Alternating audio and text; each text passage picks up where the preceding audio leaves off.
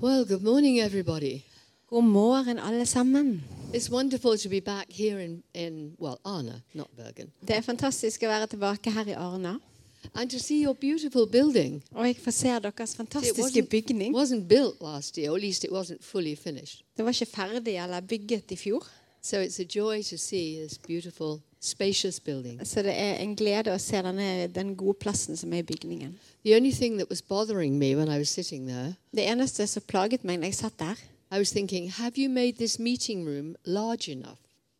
det var hvordan laget dere dette møterommet stort nok.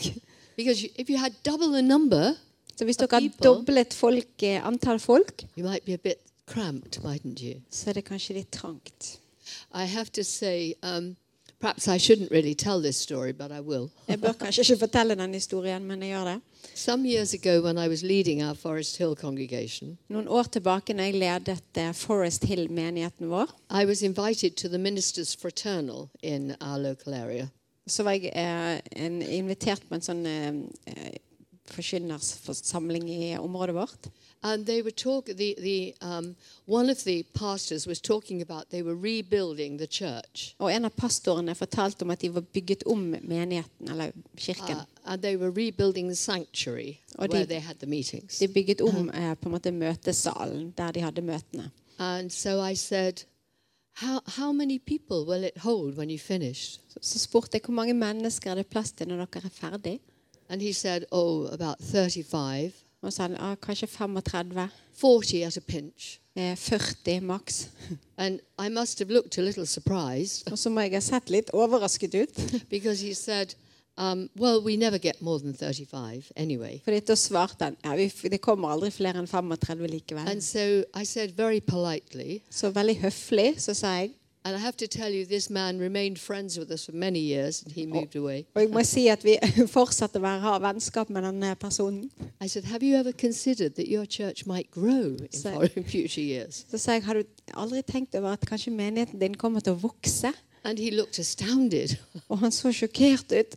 And he said, No, I haven't thought of that at all. Og sa han, nei, det hadde han ikke tenkt på i det hele tatt. And he said, I suppose we ought to think about more Eh. people coming in. Og vi trenger å tenke på det at det kommer flere folk inn. And I said, Well, it was just a thought. Og jeg sa, det var bare en tanke. And one of the other ministers there, Og en av de andre um, forkynnerne der, I won't tell you the denominations of these people, jeg skal ikke si hva kirkesamfunn de tilhører, but he came in really strongly. men han hadde et veldig sterkt utsagn. And he said, It's absolute rubbish to talk in that way. Det er tull å snakke sånn som det. The church isn't going to grow. Menigheten kommer ikke til å vokse. He said, I've been pastoring my church for 40 years and it's been declining in all that time. Jeg har vært pastor i min menighet i 40 år, og det har bare skrumpet inn hele tiden. in my mind, a little thought went. Og da fikk jeg en liten tanke. I thought there could be a reason for that, couldn't there? Kanskje det er en grunn for det. But I didn't say it. Men jeg sa det ikke. But it's so true, isn't it? That very often we, we don't have faith to see what God can do. Men det er sant at vi ofte ikke har tro på hva Gud kan gjøre. Now, that's not a criticism here because there seems to me quite a lot of space. Eh, og det er ikke sånn her, for her ser det ut som det er ganske bra plass. I mean, you could always open up the back or Og du the kan side. åpne opp på siden og bak. You could spoil the lovely layout of this building Og if så you kan have du more people. skikkelig utnytte området. Well, I was thinking about buildings before we came here. Jeg tenkte på bygninger før vi kom. I think you've heard that Roger and I have been in um, Amsterdam, well, in Holland. Og jeg tror dere har hørt at jeg og Roger har vært i Holland. We were asked special, specially to go Vi ble spesielt spurt om å komme. um, as VIPs. Do you know what a VIP is? Som en sånn uh, VIP-gjest. As very important people is what the, som betyr at vi er veldig viktige mennesker. However, when he introduced us to the conference, Når han introduserte oss på konferansen, he was trying to think how to describe us. så prøvde han å, tenkte han over hvordan han skulle He beskrive spoke, oss. he spoke about Roger having been uh, one of the founders, actually the key founder of March for Jesus. Eh, Og han eh, snakket om Roger, hvordan Roger har vært eh, hovedgrunnleggeren av Marsj for Jesus. This guy was probably about 40-ish. Og denne personen var omtrent 40. And he said, I was only a teenager then. Da var jeg bare en tenåring. he said, so these people, they're really, um, they're really ancient. Så disse folkene her, de er eldgamle. And then he, he then said, um, Somebody told me it's rude to call people old, so I thought I'd call them ancient. Så, og så sa han det at noen hadde fortalt meg at det var, det er frekt å si at noen er gammel, så vi må heller si at de er Which in English is a lot older than old. så Der eldgammel er mye eldre enn gammel. but what was very inspiring was to see thousands and thousands of younger people. Men det som var inspirerende, var å se flere tusen yngre mennesker. There were a lot of 20 to 30 year olds, Det var mange i 20-30-årene 30 to 40 year og olds. 30-40-årene. And during the worship, they were really giving themselves to God. Og i lovsangen så ga de seg hen til Gud. And their, their whole slogan for the conference Og hele mottoet for konferansen is Europe shall be saved. var eh, 'Europa skal bli frelst'. They came from different nations in Europe. Og de kom fra ulike nasjoner i Europa. And they, these groups had a real burden for their own nation. Eh, og de hadde en skikkelig byrde for sin egen, sitt eget land. Og de ble oppmuntret til å tenke på evangelisering about prayer, to be serious in prayer. og det å være seriøs i bønn. It was, uh, it was a wonderful thing to hear these young people taking hold of God. Og det var fantastisk å høre disse unge menneskene gripe tak i Gud. So there is a vision for Europe growing, isn't there? Så det er en visjon for Europa som vokser. Er det ikke det? because we don't get an awful lot of Norwegian news in our, in our papers, Fordi vi ikke får så veldig mye av norske nyheter i våre aviser. we've always assumed that's because everything is so quiet and peaceful here that it doesn't have any, Det er any fordi great vi crises. tenker at alt er så fredelig og rolig her, og det er ingen krise. But in our own nation, as you probably know, we have had a few months of crises. Men som dere kanskje vet, så har vi hatt en del kriser i vårt eget land. And that causes this, a disturbance in the atmosphere. Og det skaper uro i atmosfæren. Because, as you know, we had, uh, we had the referendum over Europe. Ja, vi hadde uh, uh, alt det med EU.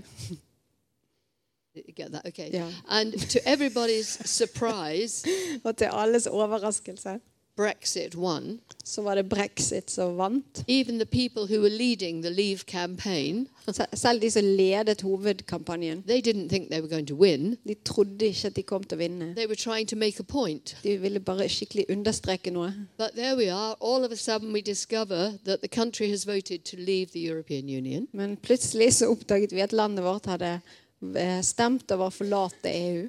And so the next thing was the prime minister just resigned, just like that. Og det at eh, statsministeren plutselig bare frasa seg jobben.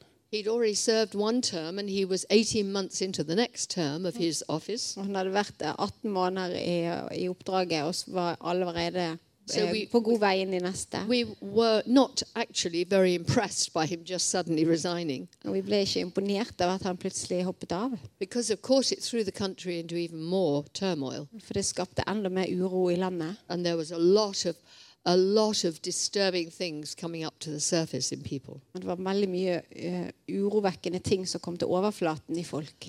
Well, it seems to be settling now. Det ser ut som det roer seg nå. They voted, the Conservative Party, as you know, voted Theresa May as Prime Minister. Og de konservative eh, valgte Theresa May som eh, statsminister. And just at the moment, she's trying to bring some peace and order. Og nå prøver hun å bringe inn fred og orden. So that's our story. I don't know about Norway. Så det er I'm vår looking forward to hearing over the coffee time. Og jeg vet ikke hvordan det er med Norge, men jeg vil høre litt mer når vi drikker kaffe. But the people who'd actually spearheaded or pioneered the Brexit campaign, Men de som sto helt i fronten og pionerte fram eh, brexit-kampanjen, they all resigned as well. de òg eh, frasa seg We had a-. We had a very curious situation where nobody seemed to want to lead the country. Og der vi hadde en veldig underlig situasjon der det virket som det ingen som vil lede dette landet. And although actually we smile at that, Sorry. Re. we smile Og, it. og det smiler vi egentlig av. But in fact, you know, the, the spiritual powers lock into the human powers. Vet at de åndelige kreftene kobler seg inn på, de, på menneskelige krefter. That's why we're told to pray for governments. Det er derfor vi er bedt om å be for regjeringen. Because if we don't pray for them, For we leave them open to all manner of other demonic powers coming in. Hvis vi ikke ber for dem, så lar vi de være åpne for all slags demoniske krefter som vil komme inn. So I think many of prayer movements in Britain have been praying for the government Så mange bønnebevegelser i Storbritannia har bedt for regjeringen. and for whatever happens about Europe. Og uansett hva som skjer med Europa. Now, what I'm really hoping Det som jeg håper, is that you are not offended that Britain voted Brexit. er at dere ikke er fornærmet over at eh, Storbritannia val- valgte brexit. We're Oh. not in the EU. No, I know you're not. So that's that's why I dared to say something. Det er er derfor jeg våget å si noen ting her. but I still thought you might be thinking, mm, what are they doing? Men jeg tenkte kanskje dere tenker mm, hva holder de på med? we did actually have to do a lot of reassurance of people in, in, our, in, in our own fellowship. Og I vårt eget eh, fellesskap så var vi nødt til å på en måte trygge mange mennesker. Because the people thought that because Britain had voted to leave Europe, Fordi at mennesker trodde at fordi at eh, Storbritannia valgte å forlate EU, that it must be that all British people hated people from other European nations. så må det være fordi at de britiske hater de fra andre nasjoner. And we have some wonderful people from Poland, from France, from Spain. Og vi har hatt mange fantastiske mennesker fra Polen, fra Frankrike, Spania. We had to keep assuring them, no, you are loved. Og vi måtte forsikre dem om at nei, dere er elsket. And you have been doing a wonderful job here. Og dere har gjort eh, fantastiske jobber her. Just because a lot of people voted out of Europe Fordi at mange eh, stemte ut av Europa, doesn't mean to say that we don't love the people whom God has brought here. betyr ikke at ikke vi elsker de folkene som Gud har Some brakt people may not, but Noen gjør kanskje ikke det. But there are all sorts of troublesome elements in any society. Men det er eh, problematiske elementer i ethvert samfunn. One of the things that a, a commentator wrote in um, the Times, I think it was, Eh, En kommentator eh, skrev i The Times, tror jeg, just at the time when the prime minister had resigned and we had no prime minister and everything was rocking, og at akkurat når statsministeren hadde gått fra jobben, og vi hadde ingen statsminister, og alt ble rystet, he wasn't a Christian, så var han ikke en kristen. wrote, We need to be very careful at this time Men han skrev vi trenger å være veldig forsiktige i denne tiden. because where there is no authority, no order, For der det er, ikke er noen autoritet, ingen orden, said, all the psychopaths will rise to the surface. så vil alle psykopatene komme til overflaten.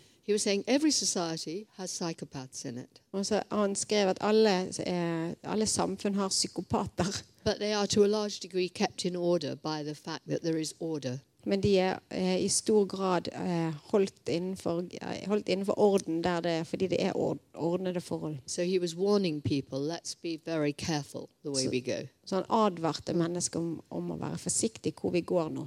Well, praise the Lord. Lots of wonderful Christians have been praying. Men pris Herren, det er mange eh, kristne som har bedt. So things are a lot more stable than they were a few months ago. Og ting er mye mer stabilt enn det var for noen måneder siden. So that's just an encouragement for you in case you go through the same here. Så det er bare en oppmuntring for dere hvis dere har noe, noe lignende her. But what I want to talk about this morning in our time, Men det jeg har lyst til å snakke om denne morgenen, I want us to think about when the people of God were regathering to build for the Lord. var når Guds folk samlet seg sammen igjen for å bygge for Herren. You remember in the Old Testament, all the people of God were taken into captivity for 70 years. Eh, I Gamle testamentet var alle de folkene som ble tatt i fangenskap i 70 år.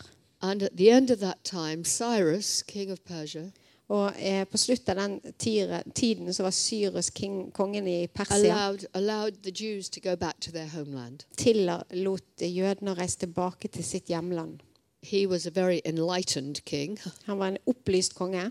And he believed that the gods would, the gods plural, would be kind to him if he was kind to the people. Han trodde at alle gudene ville være god mot han hvis han var god mot folkene. So, as you know the story recorded in Ezra and Nehemiah, Som dere kjenner historien som vi finner i Ezra og Nehemia, the people of God went back to Jerusalem så reiste Guds folk tilbake til in Jerusalem large numbers, i store folketall. and they found the whole city in ruins. Og så fant de hele byen i Because ruiner. when they'd been taken into captivity, all the buildings had been burned, Så når de ble tatt til fangenskap, så var alle bygningene brent.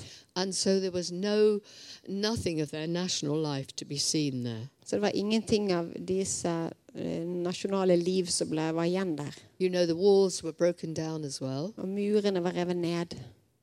And so the Jews began to, to start to rebuild their lives. Så jødene begynte å bygge opp igjen livene sine. And in that rebuilding, Og i they, den oppbyggingen they knew they needed to start with the temple så visste de at de må- var nødt til å begynne med tempelet. because that was God's house. Fordi det var Guds hus. In fact, they started by rebuilding the altar. Og de begynte faktisk med å bygge opp igjen alteret. So they altar they Så de bygde opp alteret, og så bygde de huset rundt. Story, Og hvis du husker historien, to, to, to temple. så begynte de å bygge opp tempelet. And then people came and sort of threatened them and said, the king of, of Persia will, will um, come in and take you away if you do this. Så begynte folk rundt å true de og sa at kongen av Persia vil komme og ta dere vekk hvis dere gjør dette her. They said, you have no authority to do it. Dere har ingen autoritet til å gjøre dette. And they were very threatened. Og de var eh, truet. So they stopped building. Så de stoppet å bygge. And for 20 years, they still didn't build. Og på, i 20 år så bygget de ikke. And of course, some of the people were there during, throughout that time. Og noen mennesker var der hele tiden. And one of them was the guy who'd first laid the foundation stone of the temple. Og en av de var han som la den første eh, eh, i tempelet. He was called Zerubbabel. Og han het Zerubabel. And he was of a kingly descent. Og han var av kongelig arverekke. So he represented the kingly authority of So- Jerusalem. Han representerte den kongelige autoriteten i Jerusalem. And another who came to the fore was Joshua the high priest. Og en annen som kom, var eh, Josva. And that's what we're going to look at a passage of scripture which is about Joshua. Og vi skal se på den, eh, det skriftstedet som er om Josva. Let's just read, um, if you would, I'll let you read it. Um, chapter 3 of Zechariah. And read um, up to, yes, up to verse 9. Nå skal vi lese i Zakaria, um, chapter, Uh, chapter 3 of Kapittel Zechariah, verses tre. 1 to 9. one, eh, kapittel 3, vers 1-9 i Zakaria. Han viste meg øverstepresten Josva, som sto foran Herrens engel, men Satan sto på hans høyre side for å anklage ham. Herren sa til Satan, Herren refse deg, Satan. Herren som har utvalgt Jerusalem, refser deg. Sannelig, den mannen er som et vedtre rakt ut av ilden. Josva var kledd i skitne klær der han sto foran engelen. Engelen tok til orde og sa til dem som sto foran ham, ta av ham de skitne klærne. Til Josva sa han, se, jeg tar bort din skyld og kler deg i festklær. Da sa jeg, sett en ren turban på hodet hans. De satte den rene turbanen på hodet hans og tok på ham klærne mens Herrens engel sto der. Så ga Herrens engel Josva dette løftet. Så sier Herren over hærskarene, går du på mine veier og tar deg av tjenesten for meg, så skal du få styre mitt hus og vokte mine forgårder. Jeg gir deg adgang blant dem som står her. Så hør, Josva, øverste prest. Du og de andre prestene som sitter foran deg, er et varsel. For se, jeg lar min tjener Spire komme. Se, jeg risser en innskrift på den stein jeg har lagt foran Josva. Den, denne ene steinen med syv øyne, sier Herren over herskarene. Jeg stryker ut dette landets skyld på en eneste dag. Wonderful. This is Joshua, and if you remember that Joshua and Zerubbabel were these key leaders of the people. Ja. Zerubbabel was king, and Joshua was high priest. Uh, Dette var Josva, og som dere husker, så var det eh, disse to som var ledere. Det var Serubabel som var konge, og så var det Josva som var øverste prest. But the Lord also raised up a prophetic ministry, Men Herre reiste òg opp en profetisk tjeneste, and that was Zechariah and Haggai, actually, well. og det var Zakaria og Haggai. Because the Lord knew that they would never be able to finish the temple and to rebuild it Fordi at Herren visste at de aldri kom til å bli ferdig å bygge opp tempelet igjen. unless the prophets were able to stir up the people Med mindre profetene var der for å røre opp folket with the word of the Lord. med Herrens ord. Because you feel empowered when God speaks to you, don't you? For at du får kraft når Gud snakker til deg, gjør du ikke? When you're feeling discouraged and pressured, Når du føler deg nedtrykt og presset. when the Lord speaks to you, you feel that fresh strength. Og når Herren taler til deg, så føler du en sånn frisk styrke.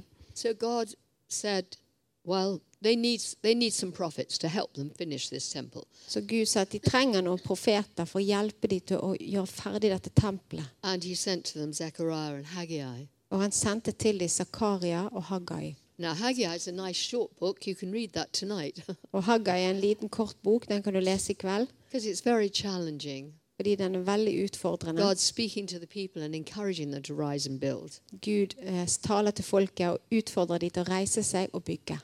Now, I'd be surprised if you hadn't had lots of messages on Haggai when you were rebuilding this beautiful building. Og jeg er overrasket hvis ikke dere har hatt mange budskap på det med, eh, med, fra Haggai i forhold til det å bygge huset. Because it, it's so relevant Fordi det er så relevant. when we're seeking to re-establish and rebuild. Når vi søker å eh, gjøre, gjøre på nytt igjen, sette opp på nytt igjen og bygge opp. Now, that's true in our corporate lives as God's people, Og det er sant i vårt fellesskap som Guds folk, men det er òg sant i våre personlige liv. Når vi føler og opplever at vi går inn i en ny tid med Gud, really Him, og vi vil eh, skikkelig gripe tak i bit like så er det likt, likt som det å bygge opp tempelet. To to. Vi trenger at Herren taler til oss. And I think here in chapter 3, we have a very profound insight. Og her i kapittel 3 så får vi veldig viktig kunnskap. Now, if you, if you think about the fivefold ministries of the Holy Spirit Hvis du tenker på de fem tjenestene til Den hellige ånd, mentioned in Ephesians 4, som vi finner i Efeserne 4, we're told the ministries of the Holy Spirit så får vi vite at det er Den hellige ånds tjenester are apostle, prophet, evangelist, pastor, teacher. er apostel, profet, evangelist, pastor og lærer. You see a little bit of that here. Og vi ser litt av det her. Certainly, the high priest really represents the pastoral and teaching ministry. Og øverstepresten eh, eh, representerer eh, pastor- og eh, lærertjenesten. Because it was the job of the priest to pastor the people, For det var pre eh, presten sin oppgave å være pastor for folket. To pray for them, Og be for dem, which is a large part of pastoral ministry, som en stor del av eh, pastortjenesten. and to teach, Og å undervise.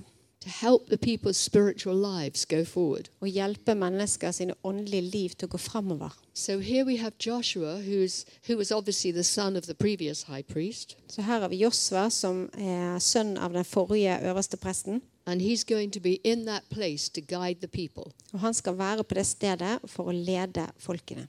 Zerubbabel had kingly authority, Og Serubabel han hadde kongelig autoritet. and that was why it was his job to lay the stones, Og Derfor var det hans oppgave å legge ned steinen. to lay the foundation stone. Å legge grunnsteinen. And the wonderful thing is, God kept him going, kept him alive, Og det fantastiske er at Gud holdt han gående og holdt han i live. so that when they eventually got to finishing the building, he could lay the capstone as well. Sånn at når de endelig ble ferdig med bygningen, så fikk han legge på toppsteinen. Og Don't you think that's gracious of the Lord? er ikke det fantastisk nådefullt av Herren? I'm sure Zerubbabel went through a lot of hassle to lay the foundation stone. Jeg er sikker på at det, det var krevende for Serubabel å legge ned denne grunnsteinen. Imagine how he felt when he saw the capstone being laid, the, the final stone. Forestill deg hvordan Well, when hva he han laid it, yeah.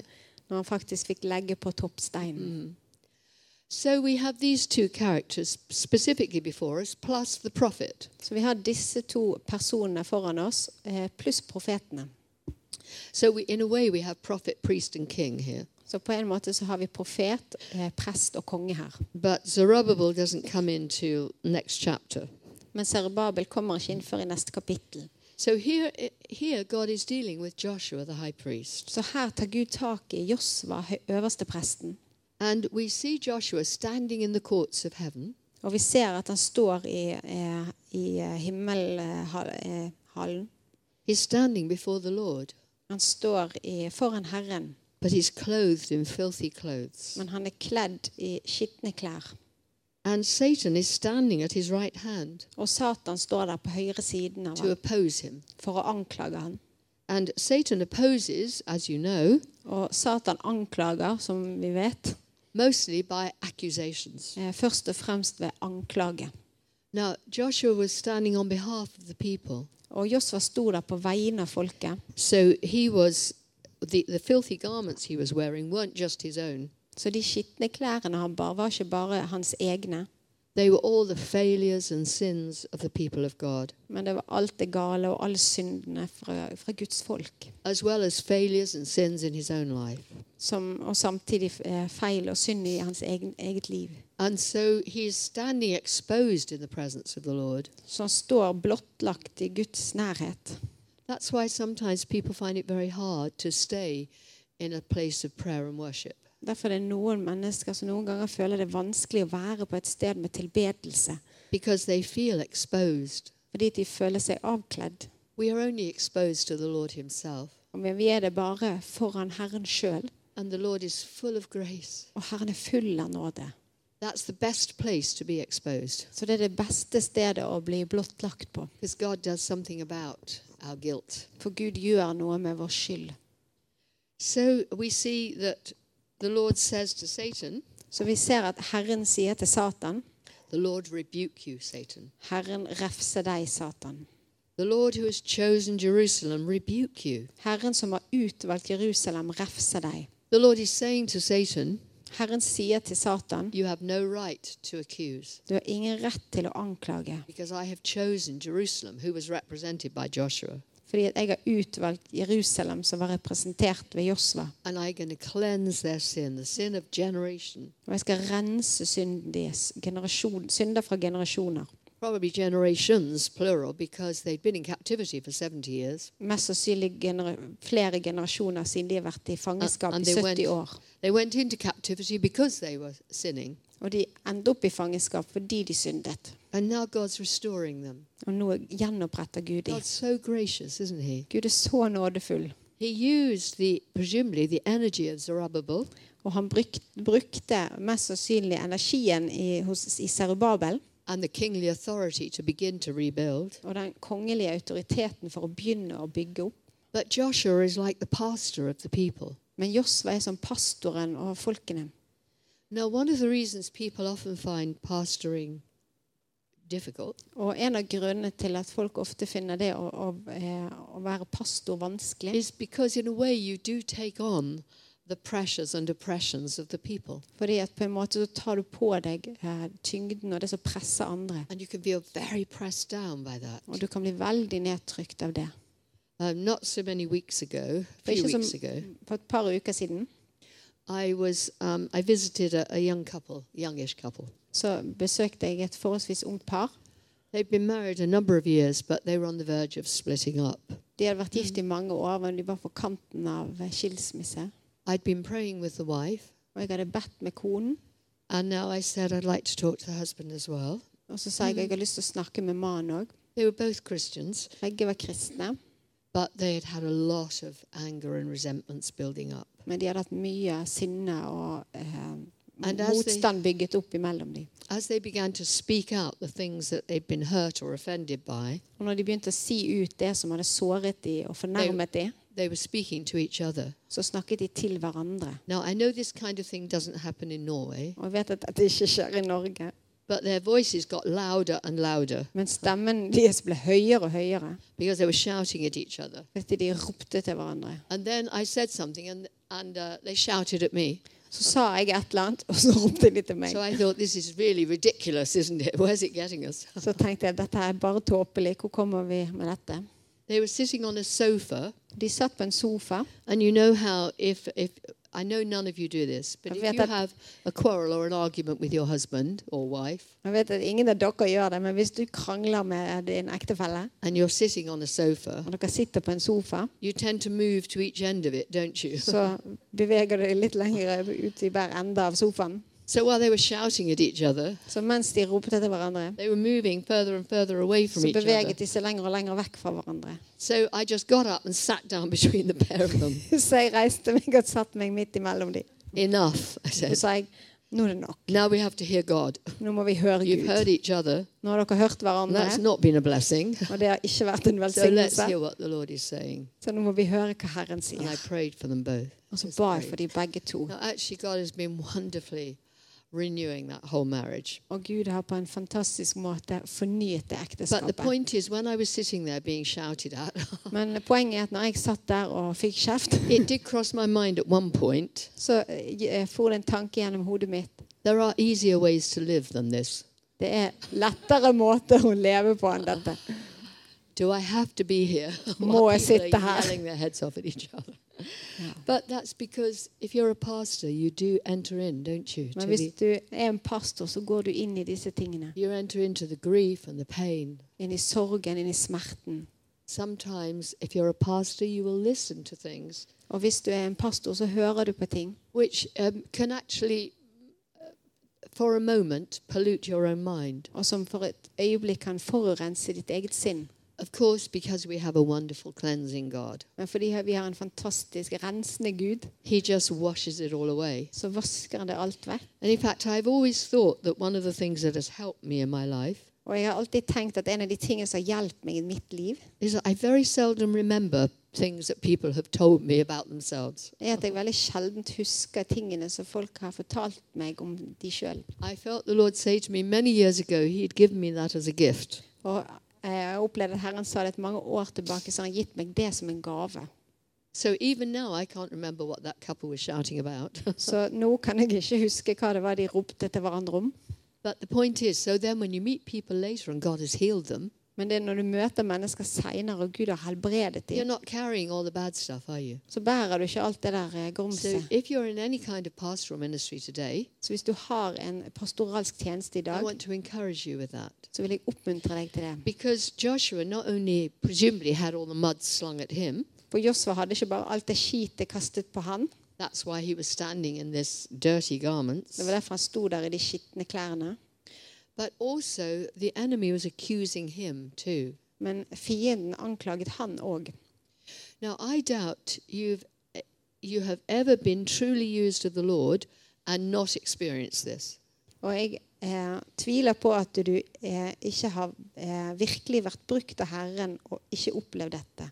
Because the enemy wants to stop you, doesn't he? Og fienden vil stoppe deg. And actually, when you go out from the presence of the Lord, du går ut fra Herrens nærvær, you so often encounter areas of darkness or demonic activity. så møter du ofte mørke områder og demonisk aktivitet. And just like the Apostle Paul said in Ephesians 6, Og akkurat som Paulus sier i Efesene 6, take the whole armor of God that you may be able to stand in the evil day, and having done all, to stand. og eh, ta på Guds fulle rustning så du kan stå på den onde dag.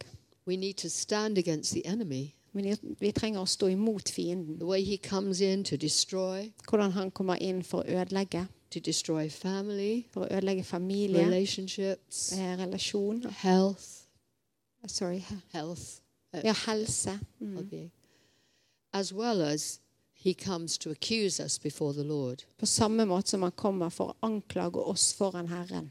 Somebody once wrote, Det var en som skrev en gang "We need to know that we are acquitted in the courts of heaven, That we are, acquitted, uh, found not guilty, ja, vi må vite at vi er uskyldige i, i den himmelske rettssalen before we can stand against the enemy." før vi kan stå imot fienden. That is so true. Og det er så viktig. When we pray into situations where the enemy has been involved, Når vi ber inn i situasjoner der fienden har vært aktiv. if we haven't had that cleansing in our own lives, hvis vi ikke har hatt den renselsen i våre egne liv, the enemy will instantly start to accuse us. så vil fienden med en gang begynne å anklage oss. And therefore, we need to be before the Lord cleansed. Og Derfor trenger vi å være foran Herren renset. And so Joshua is aware of his unclean garments. Så Joshua er klar over sine skitne klær. I don't think that we are meant to feel guilty every time we come in the presence of the Lord. Jeg tror ikke det er meningen at vi skal kjenne oss skyldige hver gang vi kommer inn i Herrens nærhet. Some people do that. Noen mennesker gjør det. I was on a small, um, high powered evangelism group some years ago, Jeg var eh, en del av en, eh, en kraftfull evangeliseringsgruppe. Um, they were leaders of, of um, kind of prayer and evangelism movement. De var le ledere for en sånn bønne- og evangeliseringsbevegelse. And they wanted me to come and join them. Og de ville at jeg skulle komme og være med dem. But um, they also had invited somebody from the West Indian community, de a lovely Christian guy I knew. eh, eh, invitert noen fra det vestindiske samfunnet som, en, som jeg kjenner. And one of the people on this group, she was saying, we need to keep getting cleansed from the Lord, cleansed by the Lord. Og en i gruppen her sa at vi trenger å bli renset av Herren. We need to stay in his presence and stay before him until we are completely cleansed from sin. Vi trenger å være i hans nærhet til vi er helt renset fra synd. Because God won't anoint us with his spirit until we are completely free of sin. For Gud vil ikke salve oss med sin ånd før vi er helt fri fra synd. And this West Indian leader, Og denne vestindiske lederen he said, Well, how long are you suggesting that process takes? han spurte hvor lang, lang tid tror du denne prosessen tar.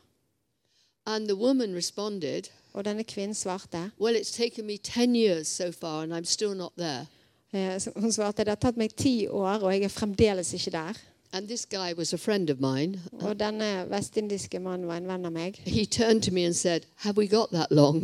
Så så snudde seg bort til meg og sa har vi så god tid? Can't we speed up the process a bit? Kan vi eh, f- dette her litt? I don't think we're meant to keep going and groveling before the Lord for 10 years. Jeg tror ikke vi skal eh, gå sånn og eh, være nedtrykt foran Herren i ti år. He for us to do. Fordi at han har arbeid for oss å gjøre. As I often say to our own prayer community, Som jeg ofte sier til vårt eget bønnefellesskap. if the Lord hasn't got anything more for you to do, Hvis Gud ikke har noe mer for deg å gjøre, then feel free to go to heaven. så føler jeg fri til å reise til himmelen. We'd be better off there, wouldn't Det er bedre der, er det ikke?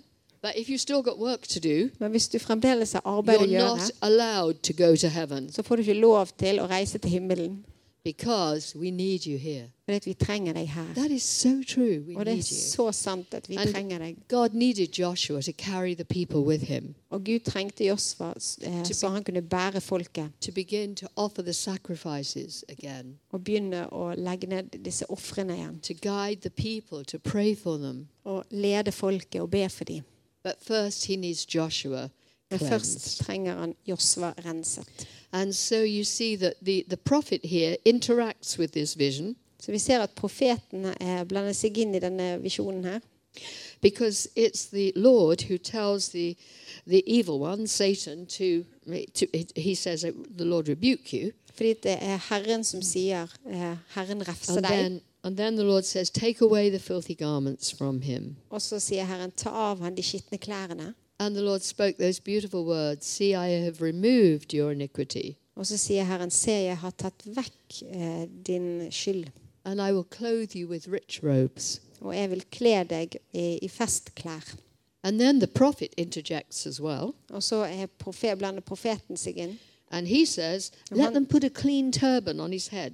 Han sier eh, 'la de ta en, en ren turban på hodet hans'. And so they did so. Og så gjorde de det. I often wonder why the prophet interjected at that point, Og jeg lurer ofte på hvorfor kom profeten inn sånn på siden. because the Lord seemed to be taking charge of it all. Og det så ut som at Herren hadde kontroll på dette. But maybe the prophet knew that our, our heads, our minds need renewing. Men kanskje profeten visste at våre, våre sinn trenger fornyelse. he was anxious for Joshua, Joshua had a whole part of him cleansed. Og han var opptatt for, av Joshua at hele han ble renset. We need to think the thoughts of the Lord. Vi trenger å tenke Herrens tanker. Når vi møtes i, til bønnefellesskapet vårt i And London, when we meet, we take times to just listen to the Lord. eh, så bruker vi eh, tid på bare å lytte til Herren. We also pray for key issues like the issues of government I've mentioned already. Og vi ber også for viktige ting, akkurat som regjeringen, som er nevnt der. But we want to pray out of revelation. Men vi har lyst til å be eh, ut ifra åpenbaring. Og vi vil be ut av veiledning fra Herren.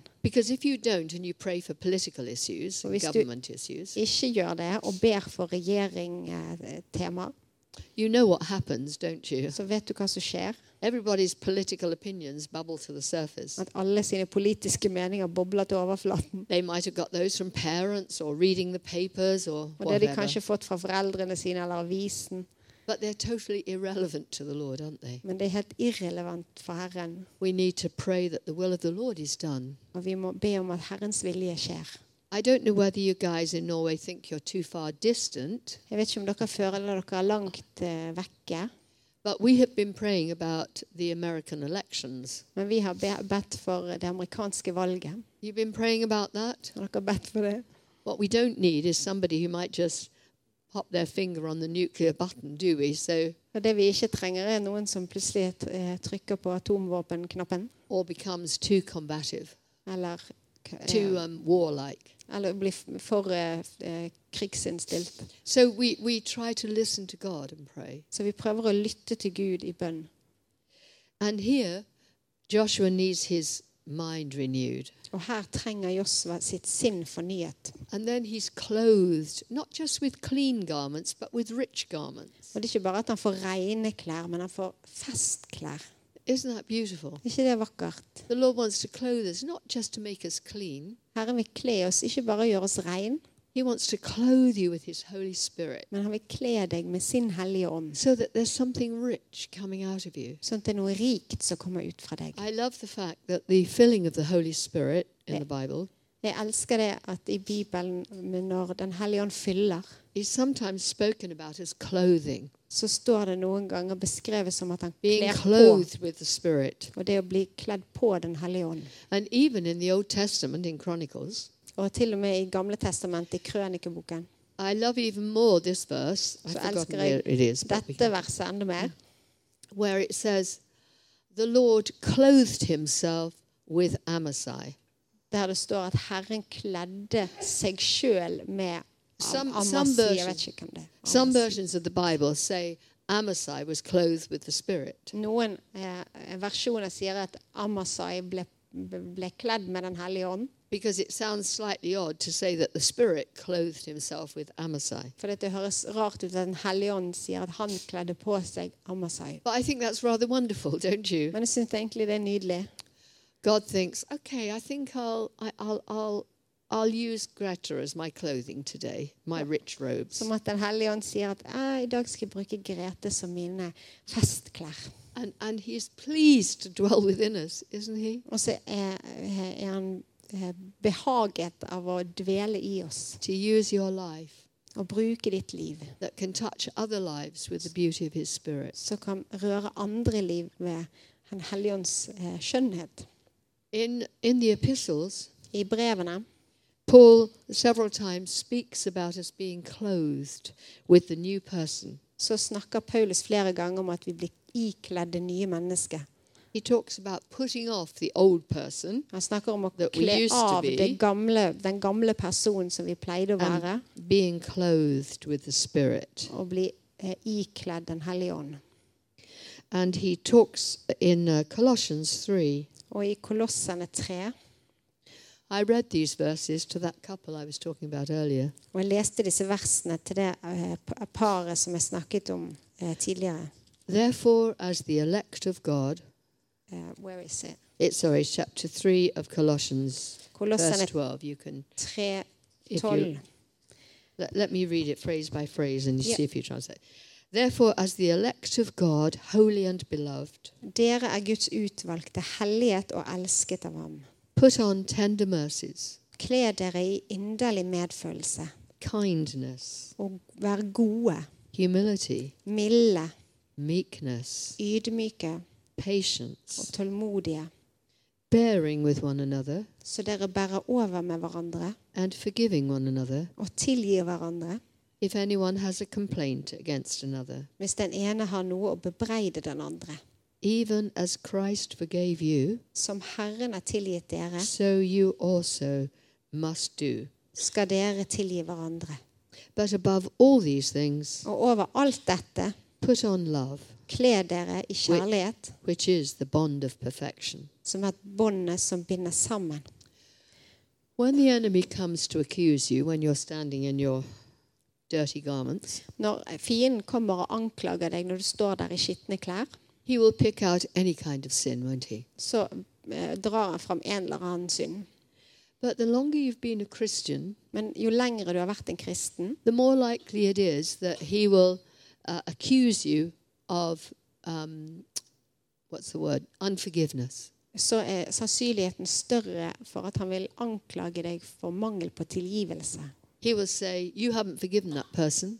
Eh, Han vil si du har ikke tilgitt den personen. And no wonder because they're unforgivable. Og det er ikke rart, for de er jo umulig å And the tilgi. enemy will constantly speak his propaganda to us. Og fienden vil tale sin propaganda til oss. Because then, when he's got a bitter heart in us, For når han får et bittert hjerte i oss, it's, it's very easy to get a bitter heart, isn't it? og det er lett å få et bittert hjerte, Then he'll come in and say, You've got a bitter heart. så kommer han inn og sier at du er bittert i How hjertet. can God use you? Hvordan kan Gud bruke deg? Or sometimes we don't even, or we get so used to the enemy talking to us that we don't take any notice. Og Noen ganger blir vi så vant til at fienden snakker til oss at vi merker det ikke. I hope all my wonderful sisters here Jeg håper at alle mine fantastiske søstre her will forgive me for giving this illustration. vil tilgi meg for at jeg gir denne illustrasjonen. But um, there's, there was a psychiatrist in Geneva some years ago, Men det var en psykiater i Geneva for noen år siden. a, a lovely Christian man. En fantastisk kristen mann. He acted like a pastor to his patients. Og han var som en pastor for sine pasienter. But he answered the question which years and years later we heard lots of people asking. Men han svarte på spørsmålet som mange år seinere folk begynte å stille. He said, Why are there not more men in church? Han sa hvorfor er det ikke flere menn i menigheten? There are almost always more women. Det er nesten alltid flere kvinner. And he said, Of course, that's lovely because women respond to the grace of Jesus. Og det er vakkert fordi kvinner nei, responderer på And he eh, said, nåden. That's really good. Og det er veldig bra. But he said, in his psychiatric experience, I, i hans eh, erfaring som psykiater men had much more an acute sense of guilt than women did. så hadde eh, menn en mye større eh, eh, g- eh, acute Uh, they, acute means um, developed sense Ja, of en guilt. utviklet en større skyldfølelse. So what he was saying was, Og he det han was, sa, he was saying that men feel guilty easily. at menn lett føler skyld. Of course, they've got good reason to, Og det har de selvfølgelig god grunn til. but so have women. Men det har kvinner òg. and what Paul Ternier said was, he'd noticed that women didn't so readily acknowledge guilt, Og eh, det han sa, var at kvinner eh, gjenkjenner ikke skyld så lett. especially if it was guilt in relationships. Spesielt hvis det var skyld i relasjon. He talked about one woman that he was ministering to Snakket om en kvinne som han tjenestegjorde for, who was very much involved in church. som var veldig involvert i menigheten. And he said, but she had the most unforgiving attitude towards her mother in law, for example, hun hadde en veldig utilgivende holdning f.eks. mot sin svigermor and other family members. og andre i familien. And he said she just couldn't see that that was inconsistent with her faith. Og han sa han kunne ikke se hvordan det eh, kunne passe inn i troen hennes. And he said, so I think the reason women will happily sit in church when men won't Eh, og han sa det jeg tror grunnen for at kvinner gjerne vil sitte i menigheten når menn ikke vil, is because everything that is said and sung and prayed in church fordi at alt som blir sunget og sagt og bedt i menigheten, touches the conscience of many men. eh, treffer samvittigheten til mange menn. Well, I- I'm being really unfair, aren't I? But this is Paul Turnier's fault, not mine. Okay.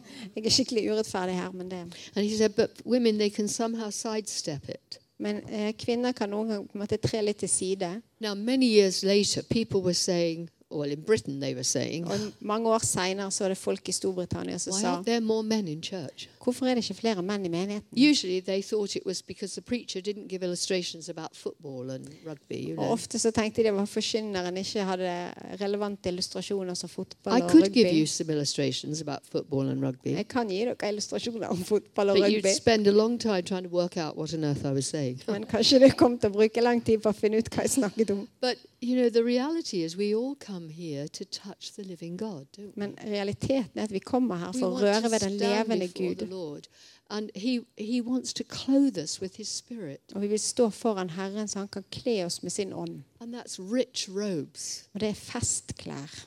Therefore, we need Him to take the the garments from us which are soiled. Trenger vi at han tar de skitne klærne fra oss. And if you've been a pastoral person like the priest, Og hvis du har vært en pastoralsk person, så you'll er det prest, prob- probably find that the enemy has thrown all sorts of mud at you så har du helt sikkert opplevd at fienden har kastet all slags skit på deg. Fordi han vil selvfølgelig flytte deg vekk fra det stedet der du står foran Herren. Husker dere øverstepresten som hadde navnet på alle eh, israelittiske stammene på brystplaten og skuldrene? Han bar Guds folk. And I know that many of you are pastoral people. Og jeg vet at mange av dere er We pastoralske want to mennesker. learn to, even more than we've done before, to carry God's people, don't we? Og vi vil enda mer lære det å bære Guds folk. To carry them in prayer. Å bære folk i bønn. We need to forgive those people who don't respond well when we want to be helpful. Og vi må tilgi de som ikke responderer riktig når vi vil hjelpe.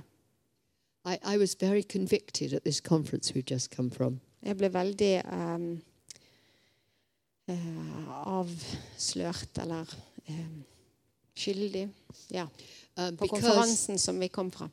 because um, we were seated on a special row, For know, vi fikk sitte på en sånn spesiell uh, rekke. but there was an empty seat next to me. Men så var det et tomt sete ved siden av meg. And there was a woman who was looking for a seat. Og så var det en kvinne som gikk og lette etter et sted å sitte. And she asked me, Am I allowed to sit there? Og så spurte hun meg kan jeg få lov å sitte der. Well, it wasn't really my decision, but Og det var jo ikke mitt, because eh, most of min the seats avgjørelse. had names on them. For de fleste setene der hadde navn på. but I thought, Nobody's sitting there. I said, Yes, come and sit there. Men jeg sa det sitter ingen der, kom og sitt her. And she gave me a very sweet smile, lovely. Og så ga hun meg et veldig fint smil. Now, the only thing, as the meeting progressed and the preaching was, was being engaged in, the, guy, the preacher was speaking, Og eh, i, når forkynneren snakket, to my surprise, she got out of her bag some. Do you know what a skein of wool is? It's when it's a circle like that and you roll it into a ball. yeah, like just yarn. knitting. No. Yes, yes, it's the wool, but it, the skein is the um, shape of it when it first comes, and then you take it and roll it into a ball. Ja, at det er på en understand? garnhespe. Ja. Mm. Well, she had a skein of wool and she was rolling it into a ball. Og det tok hun opp av vesken, og så rullet hun dette til en ball. But she was sitting next to me here, Og nå satt sånn ved siden av meg her, and the preacher was just over there, og forkynneren var der. and she she had her hands up so she could do this properly. Så hun hadde hendene oppe for å kunne gjøre dette her And through the whole of the preach, I could see this going on. Og gjennom hele forkynnelsen så så jeg dette her skjedde. Mm. And I was thinking, I rather wish I hadn't welcomed her to sit there. Så tenkte jeg kanskje det ikke var så lurt at jeg sa hun kunne sitte der. and I was thinking, why does anybody want to sit knitting in the middle of a meeting? Så tenkte jeg hvorfor vil noen sitte der eh, og strikke? Because later she started knitting as well. For det begynte med etterpå. But anyway, she carried on right to the end. Men hun fortsatte helt til slutten. And I thought, now what do I do, Lord, if she asks if she can sit there again? Hva skal jeg gjøre, Jesus, hvis noen spør om å få sitte der en gang til? and I complained to Roger about it. Og så klaget jeg til Roger I om said, dette. oh, you have no idea how distracting it was having this Du going on aner whole ikke hvor time. forstyrrende det var at alt dette skjedde. But while I was talking to him, she, she didn't hear that because we were a few feet away. Eh, Hun hørte ikke det, men mens jeg snakket med han, And then I turned round. I saw she just put something on my chair and then moved away. så så jeg at hun la et eller annet på min stol, og så gikk hun vekk.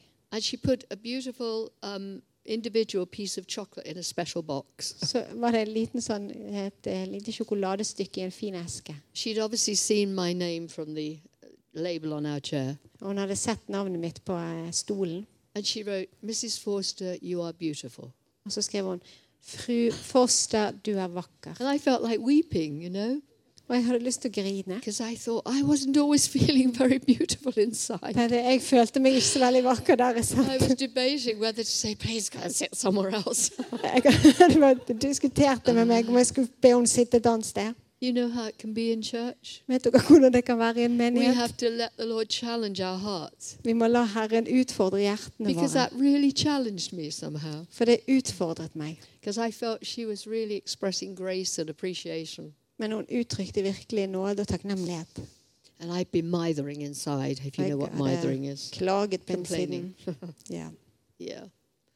We do that, don't we, sometimes? Vi gjør sånne ting noen ganger. Somebody annoys us and it can keep niggling away. Det kan være lyder som irriterer. And that's all part of these dirty garments that need taking off. Og det er en del av disse skitne klærne som vi må som trenger å bli tatt av. As we saw in Colossians, Som vi så i Kolossene. The Lord says, just put off the old person, Bare kle av det gamle mennesket. put off the dirty Ta garments, av det skitne klærne. and be clothed with the Spirit. Og bli ikledd ånden. And those beautiful verses in, in Colossians 3 tell you what the new garments will look like. Og disse vakre versene i Kolossene 3 forteller oss hvordan de nye klærne ser ut. They will be merciful, De vil være nådefulle, kind, gode, humble, ydmyke, meek, milde, patience, tålmodige. forbearing, Eh, Det å bære over med. and forgiving, Og tilgivende and loving. og kjærlig. We want to come before the Lord because we know that at some point we will be standing before the enemy. Og vi trenger å komme foran Herren, for vi vet at eh, innimellom så må vi stå foran fienden. When Joshua was standing before the Lord himself, Når Josfa sto der foran Herren sjøl, the enemy was standing at his right hand, constantly throwing accusations. så sto Satan på, på, ved høyre hånd og kastet anklager på han hele tiden. And the Lord dealt with that by giving Joshua a totally new start. Og Herren håndterte det ved å gi Josfa en helt ny start. Clean garments for the way ahead. Rene klær for den, det som ligger foran. You know, I don't think we just do that once in our lives, do we? Og jeg tror ikke vi gjør dette her bare én gang We i do it livet. regularly, Vi gjør det ganske jevnlig. coming before the Lord. Kommer foran Herren. Of course, the enemy will often accuse you. Og selvfølgelig vil fienden anklage deg. As a, a preacher once said, En forkynner sa en gang when you come to pray, når du kommer for å be, you will very often find a voice of accusation inside you. så vil du veldig ofte finne en anklagende stemme inni deg. Inside, you will be saying, På innsiden så vil du si Oh Lord, forgive me, I should have prayed before,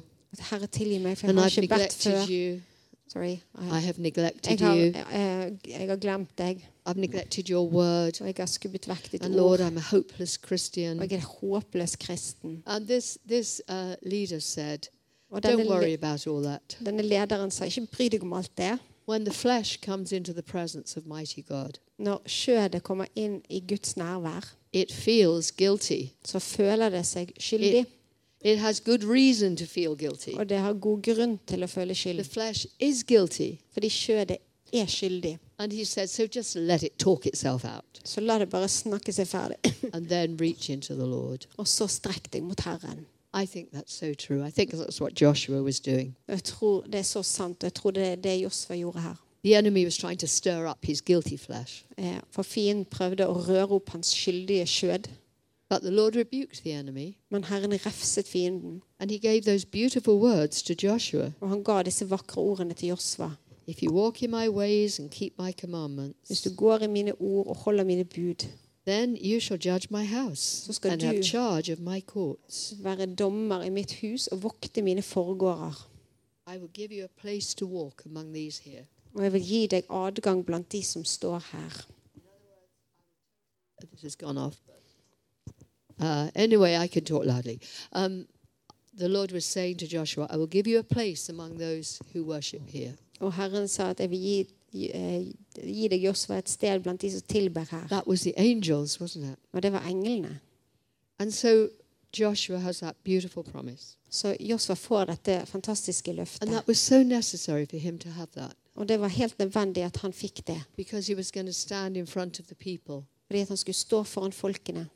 He was going to minister to them as a true priest and pastor. Han skulle tjenestegjøre for dem som en sann pastor og prest. And he needed to know that he was acquitted in heaven. He was counted not guilty in Uh-huh. heaven. Trengte å vite at han var uskyldig i himmelen. Because otherwise, at some point, For Hvis ikke, så vil vi på et eller annet we will tidspunkt encounter the evil one. så vil vi møte fienden. That's what Paul says in Ephesians 6 Det er det Paulus sier i Feserne 6. that the enemy will come to oppose you, At fienden vil komme og, eh, med motstand. and we simply have to stand our ground. Og vi er nødt til å bli stående på vårt sted. We have to stand just as we stood before the Lord. Og vi må stå på samme måte som vi sto foran Herren. I know that many of you have loved and served the Lord for many years, Og jeg vet at mange av dere har elsket og tjent Herren i mange år. and none of us engages in that without at some point finding the enemy coming in to oppress. Og ingen av oss er involvert i det uten at eh, vi opplever at fienden kommer for å trykke oss ned. Crises happen, Kriser skjer. sickness, Sykdom. family pressures, Familieproblemer. people turning against you. Folk som vender seg mot deg. Of course, the enemy will oppose you. Det er, eh, ja, selvfølgelig vil fienden eh, komme med motstand. And as you know, in Ephesians 6, we're simply told to stand. Og i Feserne 6 så blir vi bedt om å bli stående. In fact, we have often said Og vi har ofte sagt when people talk about going out after the enemy, at når folk snakker om det å gå ut etter fienden you never need to go out after the enemy. Du trenger ikke gå ut etter fienden.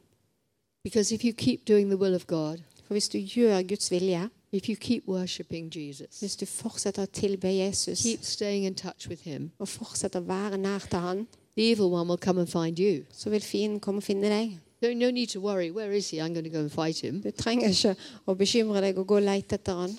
There was a, a famous 19th century preacher Det var en, kje- en kjent forsy- for, eh, forkynner på em, her, eh, 1800-tallet. He used to get his preachers doing a short 10 15 minute talk Og han pleide å få eh, forkynnerne sine til å gi korte forkynnelser på 15 in minutter the chapel service. i eh, kapellmøtet. And then afterwards, he would evaluate their preach. Og etterpå så skulle han evaluere det de sa. But one time, they had a very confident young man, Og en gang så hadde de en veldig selvsikker ung mann. And he wanted to speak on Ephesians 6, Og han ville tale om Efeserne 6. taking on the whole armor of God. Det å ta på hele Guds rustning. And so he acted it all out, Så han gjorde det som et skuespill. putting on the breastplate of Han righteousness, tok på eh, bryst, eh, eh, rettferdighetens brynje the belt of truth, og sannhetens belte helmet of salvation, og frelsens hjelm the feet, the, the boots of the gospel. og evangeliets eh, støvler. And then he said, and then we take the sword of the Spirit and the shield of faith. Og så tar vi åndens sverd og troens skjold. And he was really acting all this out. Og han var skikkelig sånn skuespiller på dette her. And finally, taking the sword of the Spirit. Og når han tok åndens sverd, And then he turned on the platform and he said, Okay, Satan, where are you? Come og så sa on. han OK, Satan, hvor er du? Kom an. And the preacher couldn't resist this, Og forkynneren eh, kunne ikke stå imot dette her. the, the senior preacher, Altså han som overså dette. He leaned over the balcony where he was sitting Så han le- lente seg over den balkongen der han satt, and he shouted out, Inside the armor. og så ropte han 'Inn i rustningen'. So true, though, isn't it? Og det er sant, det er det ikke? We think we've got to go and fight some big battles out there. Vi tror vi må gå og kjempe en eller annen stor kamp But der ute. first, we need to deal with our own heart. Men først må vi håndtere vårt eget And then we hjerte. just do the will of God Og så gjør vi bare Guds vilje in our lives, i livene våre. making known the good news of Jesus, Gjør kjent de gode nyhetene om going Jesus. out and worshipping Him, Og gå ut og tilbe Han. and the enemy will come and find you. Og så vil fienden komme og finne deg. But that's okay because if you've stood in the presence of the Lord, Og det er greit, for hvis du har stått i Herrens nærhet, you can stand in the presence of the enemy så kan du stå i nærværet av because the Lord has acquitted you Fordi at Herren har of utrustet deg place the enemy can take hold of. eh, og gjort deg rein ifra alt det som fienden vil anklage deg for. Now, those of you may have noticed that I've been struggling to look at my watch. Kanskje noen av dere har eh, lagt merke We til have at jeg a- har strevet for å se little hva klokken time, er. Vi har litt tid. Okay, because I'd like us to, I'm going to pray, and then I'd like us to stand before the Lord. Eh, nå skal vi be, og så vil jeg at vi skal reise oss foran Herren. And I'd like us to really know that today we are clothed in clean garments, Og så vil jeg at i dag så skal vi vite at vi kledd i rene that we're able to go back into our families or our workplace At vi kan gå tilbake inn i inn på vårt with the rich garments of the Holy Spirit. med Den hellige ånd sine festklær. We haven't talked about the beauty of those robes. Og vi har ikke snakket så mye om de vakre klærne.